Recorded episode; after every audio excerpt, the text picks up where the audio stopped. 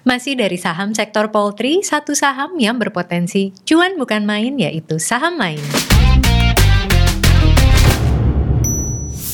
Hari ini, Mirai Aset Sekuritas Indonesia telah memilihkan satu saham dari sektor poultry.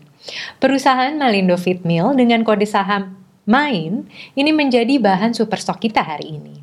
Seperti apa saham super pilihan hari ini? Langsung saja kita tanya Emma Fauni, Research Analyst dari Mirai Aset Sekuritas Indonesia. Halo Emma. Hai Mbak Alia. Nah, mungkin bisa diceritakan untuk sahabat Mirai Aset, kenapa nih saham main menjadi topik super stock hari ini? Iya, mungkin kalau teman-teman ngikutin super stock kita yang sebelum-sebelumnya, yang poultry related, kita sering mention bahwa sekarang ini sedang ada pemulihan di sektor poultry. Dan kita melihat uh, bahwa Malindo ini akan menjadi the next play untuk uh, sektor poultry ini. Maksudnya juga bisa dikatakan sebagai next superstar ya? Bisa jadi seperti itu Mbak. Nah, agar sahabat Mirai Aset lebih kenal dengan perusahaan Malindo Feed Mill ini, mungkin bisa diceritakan lini bisnis dari perusahaan ini. Oke, sebenarnya uh, Malindo ini cukup serupa dengan dua kompetitor terbesarnya yang juga listed di Bursa Efek Indonesia yaitu Carun Pokpan dan Java. Mereka ini fokus di bisnis upstream dan juga midstream ya. Jadi 60% dari consolidated revenue-nya itu datangnya dari bisnis pakan ternak, kemudian 16% itu dari uh, segmen breeder dan DOC, kemudian uh, eh, 12% itu dari segmen broiler, ini yang midstreamnya, dan sisanya itu dari segmen down downstream atau uh, food processing atau makanan olahan atau ayam karkas seperti itu.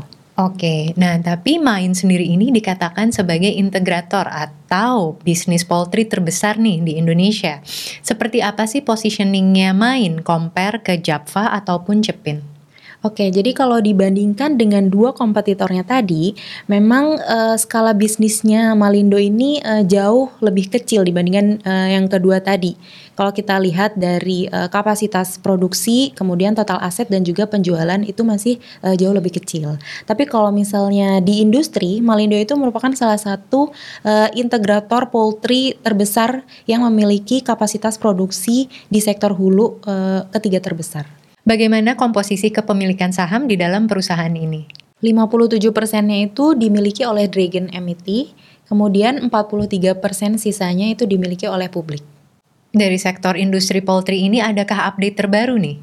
Oke, jadi memasuki bulan April ini kita lihat uh, harga broiler dan DOC itu masih cukup bagus. Harga broiler itu bahkan uh, meningkat cukup uh, tinggi dibandingkan sepanjang kuartal 1 2021.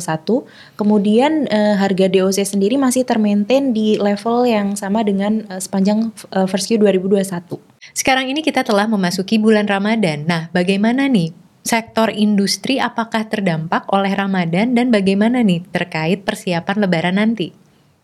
Iya, jadi kalau misalnya uh, di bulan Ramadan sebelum pandemi itu emang biasanya ada seasonality di mana demandnya itu meningkat dibandingkan bulan-bulan yang tidak Ramadan.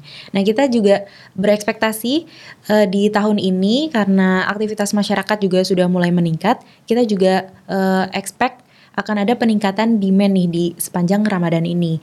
Nah, makanya juga kita lihat dari pemerintah sendiri instruksi kaling kan biasanya setiap bulan itu selalu ada ya. Nah, di bulan April ini sendiri belum ada nih instruksi kaling lanjutan.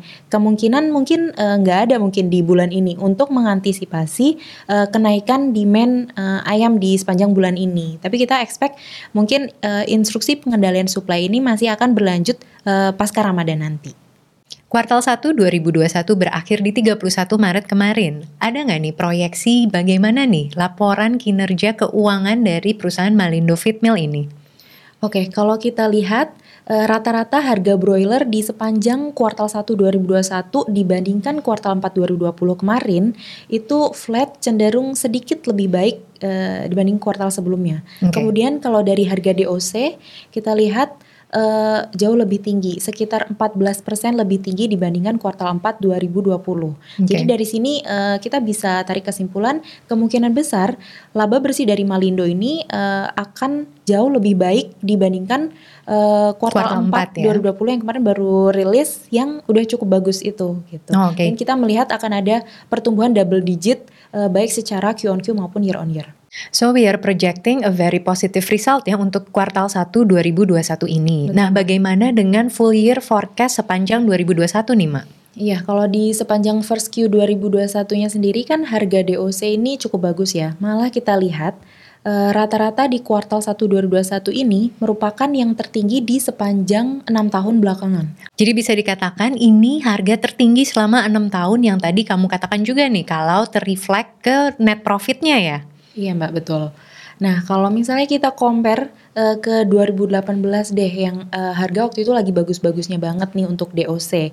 Nah, pada saat itu uh, earnings kuartalan Malindo itu mencapai sekitar rata-rata uh, sekitar 70-an miliar per kuartal. Oke. Okay. Nah, untuk tahun ini sendiri Uh, kita baru saja mengupgrade earnings estimate untuk Malindo full year itu ada di sekitar 167 miliar.